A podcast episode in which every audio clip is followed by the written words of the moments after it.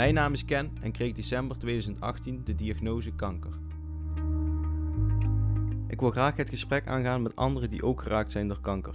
Ik hoop hiermee het onderwerp kanker wat makkelijker bespreekbaar te maken en anderen te kunnen helpen bij het omgaan met deze ziekte.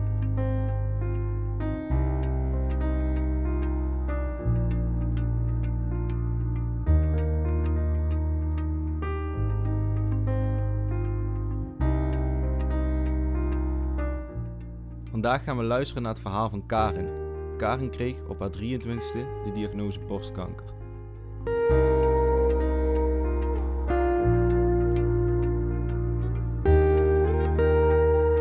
Mocht het jou nog fijn lijken om met mij in gesprek te gaan tijdens deze podcast, stuur dan gerust een mail. De mail staat in de beschrijving.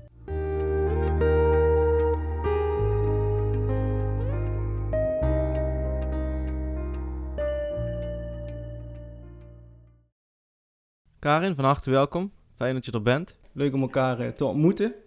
Ik, eh, ik heb jou mijn eerste podcast gestuurd, dus jij kent mijn verhaal een klein beetje. Klopt. Dus nu eh, ben ik heel benieuwd naar wie jij bent en wat jouw verhaal is. Ja, dat, eh, dat is ook de bedoeling om dat nu te vertellen. Ja, Dus, eh, zeker. Ja, ik zal dan maar eh, ja, bij het begin beginnen. Ja, Nou, ik zal je eerst even voorstellen, dat is wel zo handig. Ehm, ik ben Karen. Ik ben op dit moment 32 en ik kom uit Venlo. mhm. Bij mij is eh, ruim negen jaar geleden eh, borstkanker gediagnosticeerd. En eigenlijk kwam ik er zelf bij toeval eigenlijk achter. Ik voelde op een gegeven moment eh, onbewust eigenlijk een knobbel in mijn borst. En Mhm. daar begon ik me zorgen, ja, maakte me eigenlijk al gelijk zorgen over. Ik werk zelf in de zorg, dus ik weet wel, ja, knobbels kunnen kanker betekenen. ja. Dus ik had eigenlijk al vrij snel dat ik eh, ook contact op heb genomen met de huisarts. Nou ja, het was in het weekend, dus ik was best wel pusherig om naar de huisartsenpost te gaan. En die hebben ons nog wel gezien die dag, maar zeiden ook, ja, we kunnen er op dit moment niks mee. En we gaan er gewoon vanuit dat het een kiest of een, ja, een klein gezwelletje is, in ieder geval niks ernstigs. mhm. Ik denk, oké, ja. Maar wacht dus gewoon even een tijdje af en dan kun je altijd nog eh, richting eh, het ziekenhuis gaan. Maar eigenlijk zat het me al vanaf het begin gewoon niet lekker. Het eerste wat ik ook dacht toen ik die knobbel voelde was, ja, dit is borstkanker. Het is een heel raar gevoel, maar ik wist gewoon, dit klopt niet. Want heb je ervaring? Heeft iemand in de familie? Of... Nee, helemaal niemand. Oké. Maar mijn hele gevoel zei, dit is niet goed. En hij voelde ook best groot aan, vond ik zelf. Maar ja, dat, eh, op een gegeven moment dus op maandag heb ik eh, gelijk mijn eigen huisarts gebeld. En er werkte gelukkig een oud klasgenootje van mij. Dus die heb ik heel kort het verhaal verteld. En ook gewoon in tranen, want ik zei ook van... Ik maak me zo'n zorg, ik ben me helemaal gek aan het maken. Mhm. Ik zei, kan ik alsjeblieft gewoon een verwijzing krijgen naar de mammapolie? De mammapolie is ehm eh, een polykliniek in het ziekenhuis die wat gespecialiseerd is in borstkanker. Ja. Dus die doen echt de borsten controleren. En zegt, nou, ik heb je verhaal aangehoord, ik snap jou helemaal. Die verwijzing die komt er, dat ga ik regelen. Mhm. Dus eind van de ochtend heb ik toen de verwijzing eh, digitaal doorgestuurd gekregen. Was toen nog met een fax. Klinkt heel lang geleden, negen jaar, maar toen Ja, waren de ja. faxen er nog. En toen ben ik zelf richting de mamapolie gelopen. En toen heb ik gewoon eh, gezegd van, ja, ik wil gewoon een afspraak krijgen. Die eerste plek wat mogelijk is. Ik zeg, maakt me niks uit of het nou Venlo of Venray is. Maar de eerste plek, daar kom ik. Ja.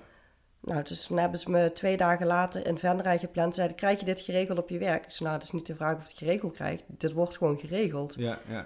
Ik maak me zorgen, dus ik wil daar gewoon zijn. Dus toen heb ik ehm, met mijn moeder ook nog contact opgenomen de avond van tevoren. Want ik dacht eerst van, ah, ik ga gewoon alleen die kant op.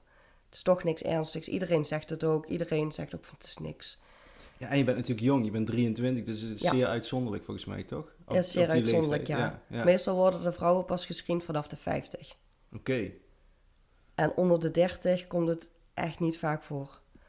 Ik weet even de cijfers niet meer, maar volgens mij waren het er eh, destijds echt nog wel 20 of zo per jaar in Nederland. zo. Ja, dat is heel extreem weinig. Ja, en meestal als je het dan hebt, dan is het ook nog met een erfelijkheidsfactor. En bij mijn familie zat eigenlijk helemaal geen borstkanker. Dus het is niet zo dat ik via mijn moeder of mijn tante of mijn oma Nee. iets te pakken had kunnen krijgen. Want dan zijn ze wel wat alerter. Ja. En merkte je dat ook, dat dat wel het eerste signaal was van je omgeving en vanuit het ziekenhuis? Van, hé, hey, je bent zo jong, eh, Ja. je hebt niemand in je familie, dus het zal allemaal wel meevallen. Ja, ook echt wel van, ja, En ook gewoon eh, collega's of zo die wat zeiden van ja, iedereen heeft wel eens een knobbeltje in de Ja. borst. Wat, ja, nog net, bijna ook nog wel de woorden van, wat stel je je aan? Ja, ja Dat, lijkt je zo wel- snel dit gecontroleerd wordt hebben, dat komt gewoon eigenlijk niet voor. Iedereen wordt pas vanaf de 50 gecontroleerd. Ja, En ik denk, ja, bij mij zit het niet lekker. Ik wil het toch echt gecontroleerd hebben.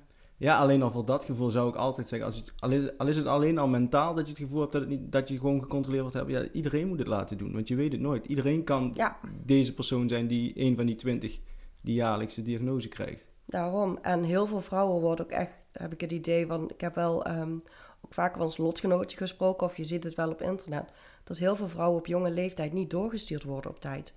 Ja, En dat ze daardoor ook nog wel eens gewoon uitzaaiingen krijgen, omdat artsen wel eens meer dan een half jaar wachten. En Ja, ik heb het geluk gehad dat ik gewoon zelf zo assertief ben geweest op dat Ja. moment, om het gelijk erdoor te drukken. Ja, ja want toen, toen kwam je bij de mamapolie en toen... Ja. Toen werden er eigenlijk al, kreeg ik eerst met een verpleegkundige werd er gesproken. En die legde ook uit van ja, de kans dat je daadwerkelijk kanker hebt is zeer klein. Mhm. In het ergste geval zou je waarschijnlijk een goedaardige tumor hebben. Nou, we gaan nu even wat onderzoeken doen. En eh, na die onderzoeken, dan kom je weer even bij mij terug. Dus er werd er eerst een echo gemaakt. En normaal gesproken wordt er een mammografie gemaakt. Maar zeg je, als je zo jong bent, onder de 30, is je borstweefsel heel ehm, dik eigenlijk. Dus dan heeft een mammografie weinig zin, omdat we het weefsel niet goed kunnen beoordelen. Oké. Dus daardoor gaan we eerst een echo maken. Ik zei, nou ja, prima. Het wordt in ieder geval gecontroleerd. Na de echo moest ik even naar buiten toe.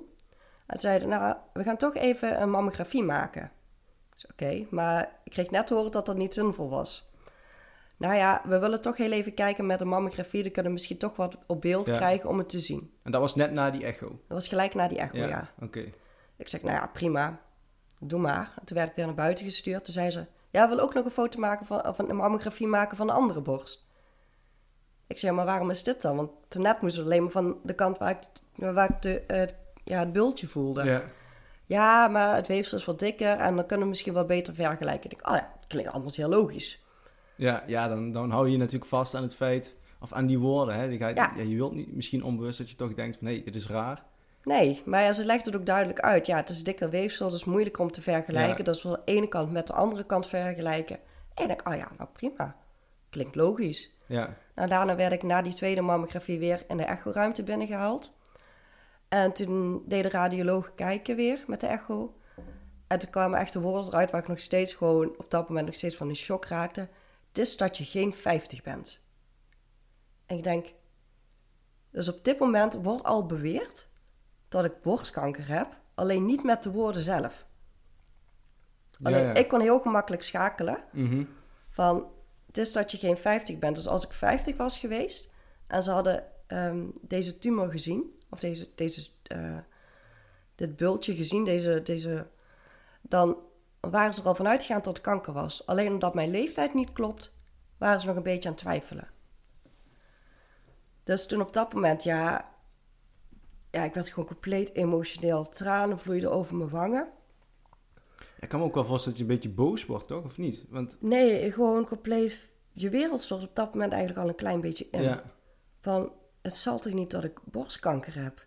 Dat, dat kan gewoon eigenlijk niet. Ondanks dat dat wel mijn grootste angst was, had ik wel van, nee, het kan toch niet? ja. En toen keken ze me aan, ja, zullen we je moeder halen? Ik zei, ik ben 23 jaar en je beweert dat ik borstkanker heb. Tuurlijk wil ik mijn moeder. Ja, ja, ja. Ik denk van, ja, had je niet gelijk kunnen zeggen, neem je moeder maar mee. Ik denk, Ja, maar dat bewijst dus maar weer dat ze er totaal niet van uitgingen dat Nee. het, dat het eh, überhaupt iets kon zijn. Nee, en toen gingen ze verder kijken in mijn oksel. En om te kijken of daar eventueel iets van een uitzaaiing zit. Bij de lymfeklieren. En zeiden, nou, daar zien we eigenlijk geen zwellingen. Ik zei gelijk tegen moeder, oh nou, als het in ieder geval kanker is, dan heb ik in ieder geval nog geen uitzaaiingen. Ze kijken me aan. Ja, wat doe jij studeren? Ik zei, ja, nee, ik werk al in het ziekenhuis. En in welk ziekenhuis? Ik zei, ja, dit ziekenhuis. Oké, ehm, alles wordt nu met extra spoed gedaan. En niemand van jouw polykliniek mag in jouw gegevens kijken, wat eigenlijk sowieso al niet mag. Ja. Maar ze zeggen, en op het moment dat wij de uitslag hebben, kom jij, zit jij al bij de dokter in de stoel. En nog niet eens een half uur of een uur later, bij wijze van spreken. Dus ze gingen echt alles met spoed doen. dag daarna heb ik ook nog een eh, MRI gekregen. Maar sorry, dan, dan is het de uitslag van die, eh die echo-mammografie. Eh, nee, ze hebben op dat moment ook nog een punctie gedaan. Ah, ja, ja. Dus er werd wat klierweefsel weggehaald voor Mhm. onderzoek. En eh, die uitslag en de dag daarna nog een MRI. ja. Eh, die uitslagen zouden dan op maandagochtend binnenkomen. Want ze hadden het echt met hoge spoed gedaan. Gezien mijn leeftijd en dat ik toch ja, ook een interne collega ben. Mhm. Dus op maandagochtend eh, ja, toen kreeg ik de afspraak bij de arts om ja, eigenlijk de uitslag te krijgen.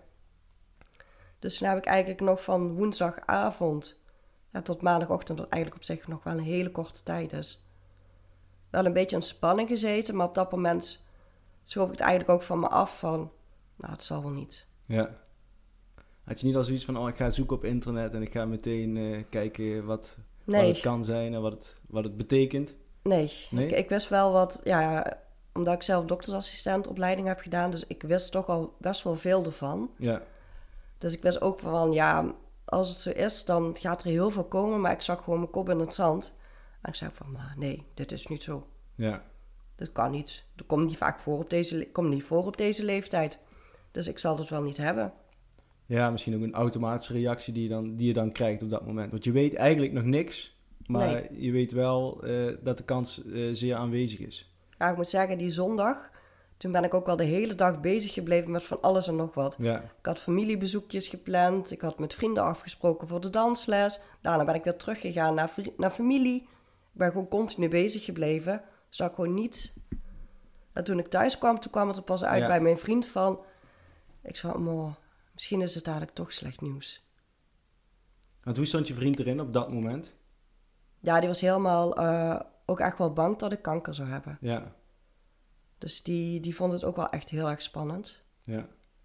En die had dat ook zo, wat je zegt, een beetje ja, afleiding zoeken en een beetje het gevoel eh, ontlopen op dat moment? Ja, Ja, dat, eh, dat waren we samen wel heel goed in. ja. Ja. ja. misschien op dat moment, hè, je weet nog niks, dus misschien ook wel, wel het beste wat je kunt doen. Je kunt ook die, die dagen je helemaal eh, opsluiten Ja. en verdrietig zijn en eh, dingen opzoeken, en terwijl het misschien niks is. Ja, sommige vrienden waar ik dan later na heb verteld van... Goh, ik heb borstkanker. Die zeiden ook van... Daarom was jij de laatste paar weken zo afwezig. Ja, Ik zei ja. Nu vullen de puzzelstukjes echt op hun plek, zeiden ze. ja, want op dat moment had je nog niet, toen je bezig was met de onderzoeken, et cetera, had je nog niet Nee. zoiets van ik ga dat met, met vrienden delen.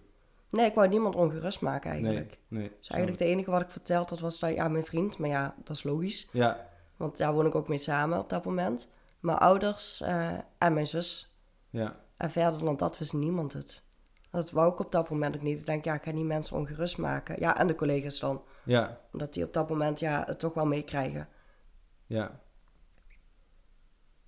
En toen, maandagochtend. Ja, toen zijn we naar eh, het ziekenhuis in Venray gereden. En eigenlijk, ja, die ochtend staat me eigenlijk nog wel heel goed bij. Ik weet nog dat we het ziekenhuis inliepen. En dat was op eh, 1 oktober. En dat is ook eh, dat de maand van de borstkanker begint. Oké, dus die maand is speciaal aandacht voor borstkanker. Ja, dat is echt speciaal aandacht voor de borstkanker. En dat was ook echt gewoon de eerste dag van die maand. Dus elke, elk jaar heb ik toch wel een beetje een reminder van... Oh ja, dat is die dag. En langzaam appt het wel weer wat weg. Ja, En sommige jaren komt het toch wel weer wat harder binnen die maand. En toen liepen we door naar de mamapolie. En ik weet ook dat we de eerste waren die wat binnengeroepen werden. Ik zie echt nog de hele gang voor me. Ik zie dat de arts naar binnen liep en een verpleegkundige. En op dat moment had ik volgens mij ook niet echt door dat ze foldertjes vast had. Maar nu ik terugkijk, dan weet ik ook gewoon dat ze folders vast had in haar hand. voor jou. Voor mij, ja. Ja, ja, Dus toen gingen we zitten, ja, mijn vriend en mijn moeder en ik.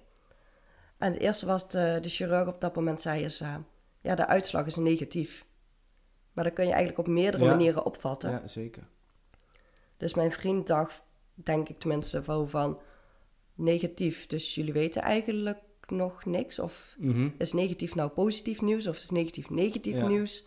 Ja, is het negatief op kwaadaardige cellen of is het Ja, of is het negatief van, ja, het is toch slecht nieuws? het is slecht nieuws? Ja. Of is het positief nieuws omdat het negatief is? Je kon het heel dubbel opvatten eigenlijk. En ik had er gelijk zoiets van, nee, dat is slecht nieuws. Dus ik stelde al de En ben je dan ook bezig met, met kijken naar hoe, je, hoe de arts je binnenroept en hoe die, hoe die jou aankijkt om, om misschien al te achterhalen eh, Ik denk dat je zit. onbewust wel mee bezig Ja, bent. ja. Maar ik denk dat de artsen ook wel heel goed getraind zijn om het slechte nieuws niet te lang uit te stellen. Ja.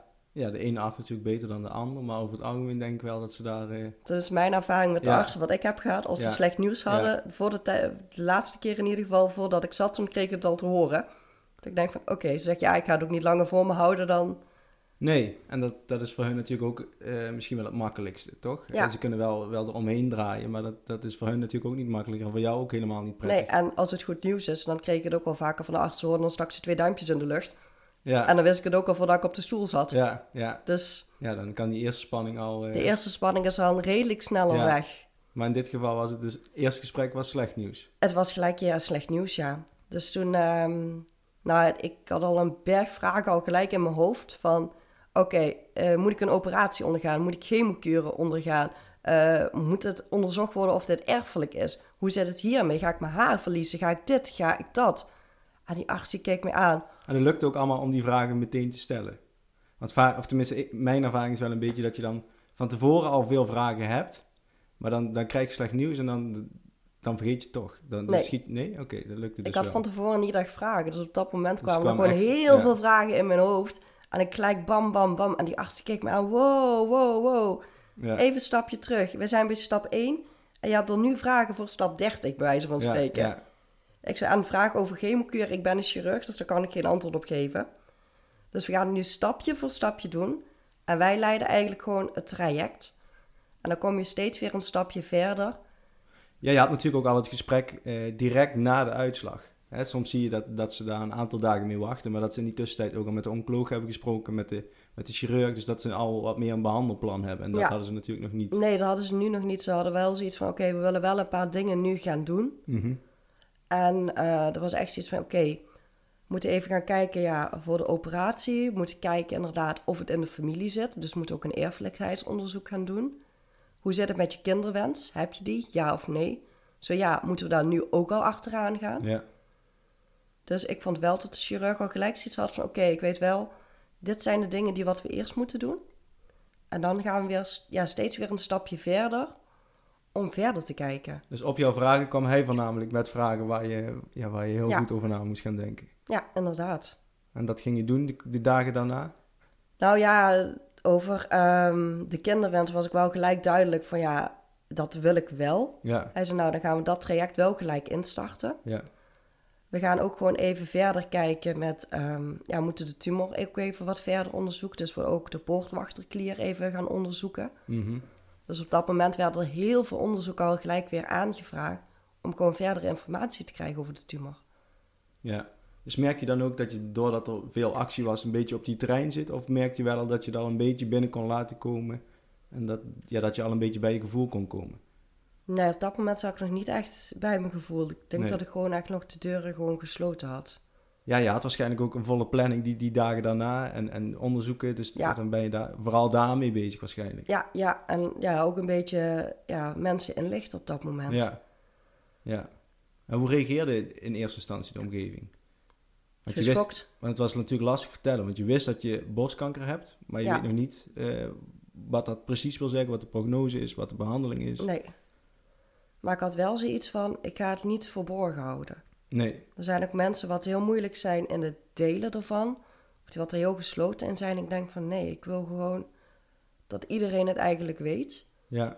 Zodat als je een keer kut voelt, ja, precies. Ja. dat ze het ook gewoon weten. En dat ze ook snappen van, ja, oké, dat is de reden. We snappen het, je kunt erover praten. ja, en dan kunnen ze er ook voor je zijn. hè. Als jij het niet deelt, dan, Ja. dan weten mensen het niet. En dan, zullen, ja, dan, dan verwacht je misschien steun die, die andere mensen niet kunnen geven, omdat ze niet eens weten wat, wat jij doormaakt. Ja, Ja. dus dan... Dus ik ben in die week... eh, mijn ouders hebben het eigenlijk voornamelijk eh, aan de familie verteld. Mhm. En ik ben in de loop van de week, eh, weken eigenlijk langzaam met vrienden gaan afspreken. Ik heb met één vriendengroep, toen zei ik ook van... Kom jongens, we gaan lekker bij ons thuis film kijken. Ik denk, ja, ik moest iets verzinnen om mensen Ja. op bezoek te krijgen. Ja. En alle mensen wat eh, toen op dat moment niet kwamen, en andere groepen... Ja, daar zijn, ben ik ook bij heel veel mensen eigenlijk persoonlijk langs geweest. Ja. Om het echt gewoon persoonlijk te vertellen. Want ik denk, ja, moet ik het anders doen via de telefoon of ja, via dat een is ook een sms'je? Ja. Ik denk via de app, ja. Ik denk dat dat voelt ook niet fijn, want dat komt toch wel Was het binnen. maar app, negen jaar geleden? Volgens mij eh, begon die toen net. ik heb geen idee. Nee, maar dat is het natuurlijk ook wel een klein beetje onpersoonlijk. En, en je wilt het gewoon ook goed vertellen. Ja. Dat is vaak, als je het via een bericht doet... eh, ja, mensen kunnen het toch op verschillende manieren opvatten. Ja, En dan was er in dit geval nog niet heel veel duidelijk, maar dan nog. ja je, maar je weet wel dat je in een heftig traject gaat komen. Ja, ja, En dat is wel al duidelijk. ja. En toen had je die onderzoeken gehad. Wanneer was het eerstvolgende gesprek waar, waarbij een behandelplan eh, voorgesteld werd? Volgens mij was het echt, eh, nou wel op korte termijn. Ik was volgens mij binnen zes weken stond de operatie al gepland. Oké, Maar in die tussentijd hebben ze echt een hele berg onderzoeken moeten doen. Sowieso het erfelijkheidsonderzoek. En ja, op dat gebied is er wel tussen haakjes geluk. Want het was geen erfelijkheidsfactor. mhm. Dus dat betekent in ieder geval dat mijn moeder en mijn zus en mijn toekomstige kinderen... in ieder geval geen kans hebben zelf om nog borstkanker te krijgen. Of in ieder geval de kans klein is. ja, dat geeft natuurlijk ook wel weer een klein beetje rust. Toch, Ja. denk ik? Want ja, als je dat er ook nog bij krijgt. Ja, die zouden zich dan anders ook allemaal moeten onderzoeken. Ja. Ja, En dan krijg je in de familie misschien nog meer kans op mensen met kanker. ja, Dus dat was al fijn. En we hebben ook gesprekken gehad op een gegeven moment met een plastisch chirurg. Om te kijken van, goh, ehm, ja, die tumor moet er toch uit. ja. Maar wordt het een borstbesparende operatie? Dus dat je je borst behoudt. mhm. Of gaan we toch over op een borstamputatie? Dus dat was sowieso het voorstel als eerste behandeling opereren. Ja, Ja. tenminste... Nou nee, eh, even kijken van, goh, wat wil je zelf? Mhm. Want er zijn meer, ja, borstbesparend en... eh, maar ik zei in eerste instantie, ja, ik wil wel borstbesparend. En als ik borstbesparend had gekregen, dan zou ik ook nog ehm, bestralingen moeten krijgen. Mhm. Dus daar heb ik ook nog een gesprek gehad met een bestralingsarts. En die gaf eigenlijk aan, ja, gezien jouw borst en het weefsel en alles... zou ik het je eigenlijk gewoon afraden om een borstbesparende operatie te doen. Want dan is de kans groter dat er cellen achterblijven. Ja, en met de straling en alles heb je na zoveel jaar ook weer meer kans dat daar iets terugkomt. Ja. En ja, dat zijn toch risico's. En dan komen allemaal harde plekken in je borst. En dan voelt het niet meer zo soepel aan als wat het Ja, normaal gesproken is. Ja, dus dan hè, bij een borstamputatie, dan, dan word je er ook altijd mee geconfronteerd. Maar eigenlijk, als je dat niet zou doen, ook. Ja. Omdat je borst niet meer is wat die voorheen was. Ja, Ja. Maar ja, dan ben je 23 en dan moet je de keuze maken wat je, of je je borst eh, laat amputeren, ja, Ja. of nee. Ja. inderdaad. Dus dat was echt wel een moeilijke keuze. Ja. Want het liefst zou je dat natuurlijk niet willen. Maar ik heb helaas een- een niet heel grote cupmaat. Dus dan ja, is het met bestralingen ook wel weer sneller. Dat je wat harde plekken en alles voelt. Ja.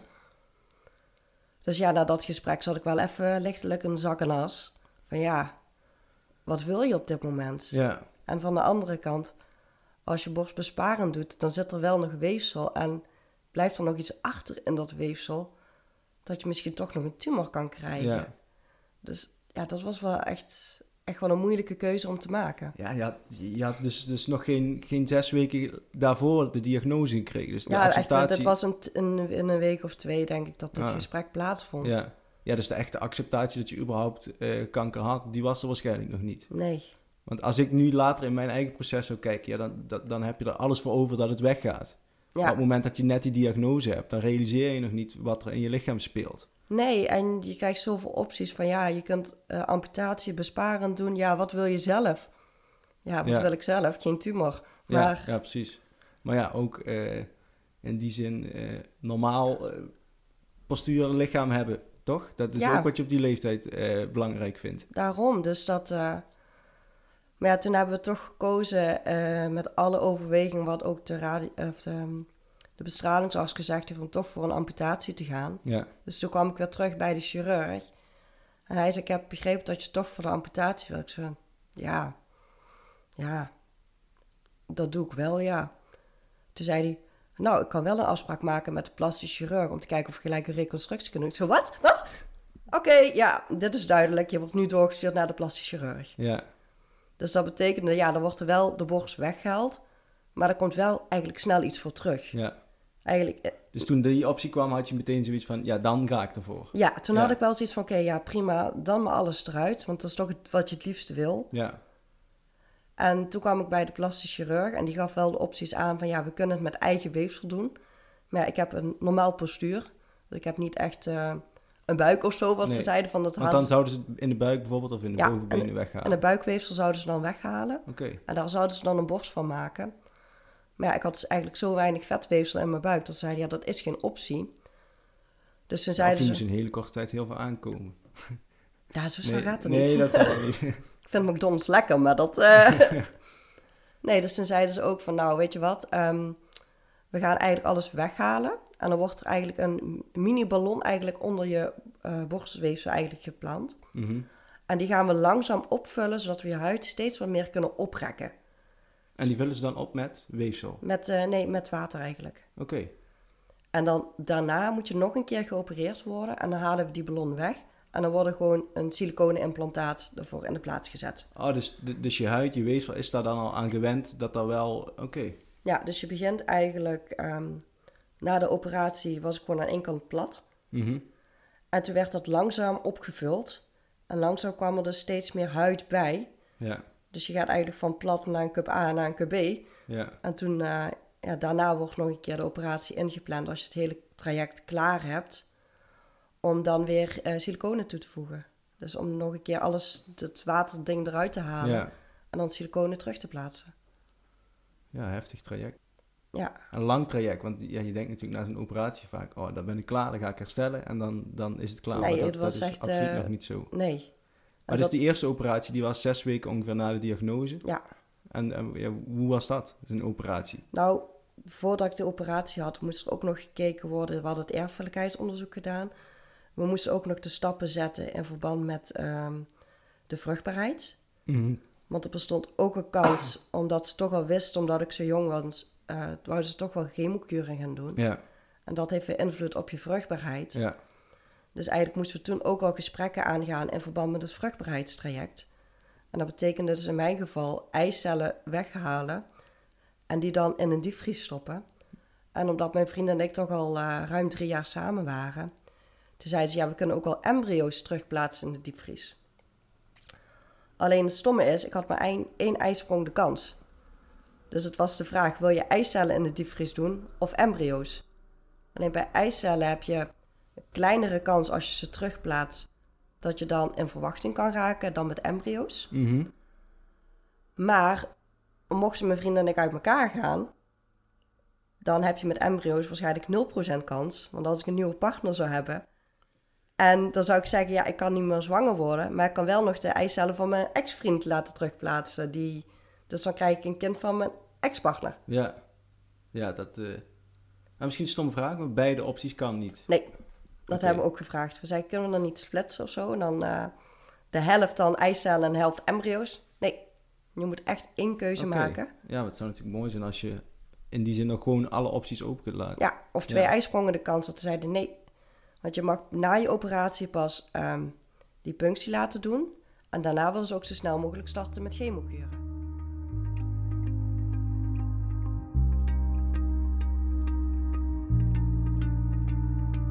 Bedankt voor het luisteren naar het eerste deel van het gesprek met Karin. In het tweede deel horen we welke keuze Karin heeft genomen. Of de eicellen laten invriezen, of gaat ze voor die ene kans en laat ze embryo's invriezen. En horen we ook hoe deze kinderwens er nu 9 jaar later uitziet.